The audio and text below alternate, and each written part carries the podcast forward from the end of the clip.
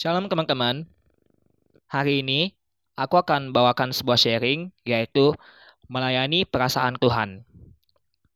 Ada sebuah lagu rohani yang lirik bagian keduanya seperti ini. Ku hidup dalam segala kelimpahan. Ku layak untuk melayani Tuhan. Kita sering menyanyikan lagu ini di gereja, antara lagu worship, kadang juga dipakai sebagai bentuk ucapan syukur acara ulang tahun pada bagian referennya seperti ini. Besar anugerahmu berlimpah kasihmu Semakin hari semakin bertambah besar anugerahmu.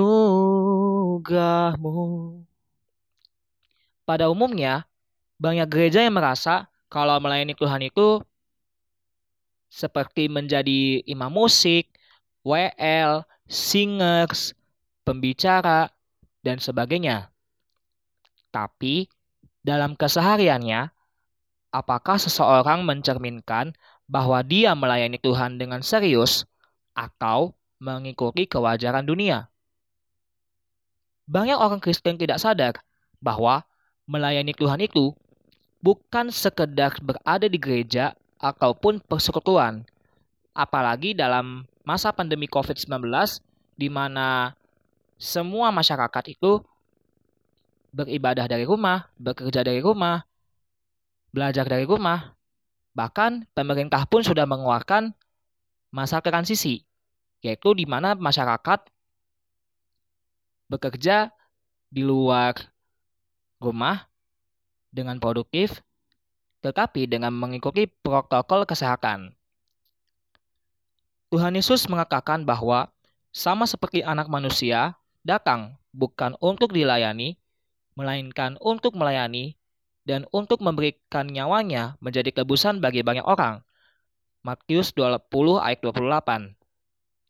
Tuhan Yesus datang untuk menunjukkan bahwa selama ia hidup di dunia ini, dia melayani perasaan Bapa di sorga dan menjalankan kehendak Bapa hingga pada saat puncak kematian Tuhan Yesus merupakan harga yang dibayar untuk menebus kita dari dosa. Banyak orang Kristen merasa jiwanya tenang, tentram, damai, karena merasa udah melayani Tuhan di gereja maupun komsel ataupun persekutuan. Tapi kalau kita sadar, sebenarnya itu hanyalah sekedar liturgi atau liturgos.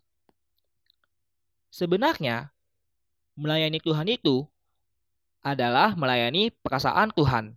Artinya, hidup kita hidup tidak bercacat dan tidak bercela.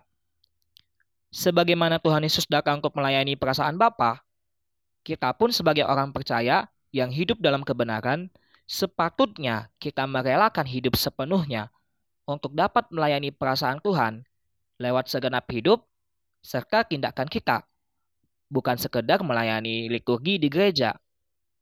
Karena kalau kita menyerahkan diri dan hidup kita sepenuhnya kepada Tuhan, maka kita sedang memberi diri diproses oleh Tuhan untuk melayani perasaan Tuhan.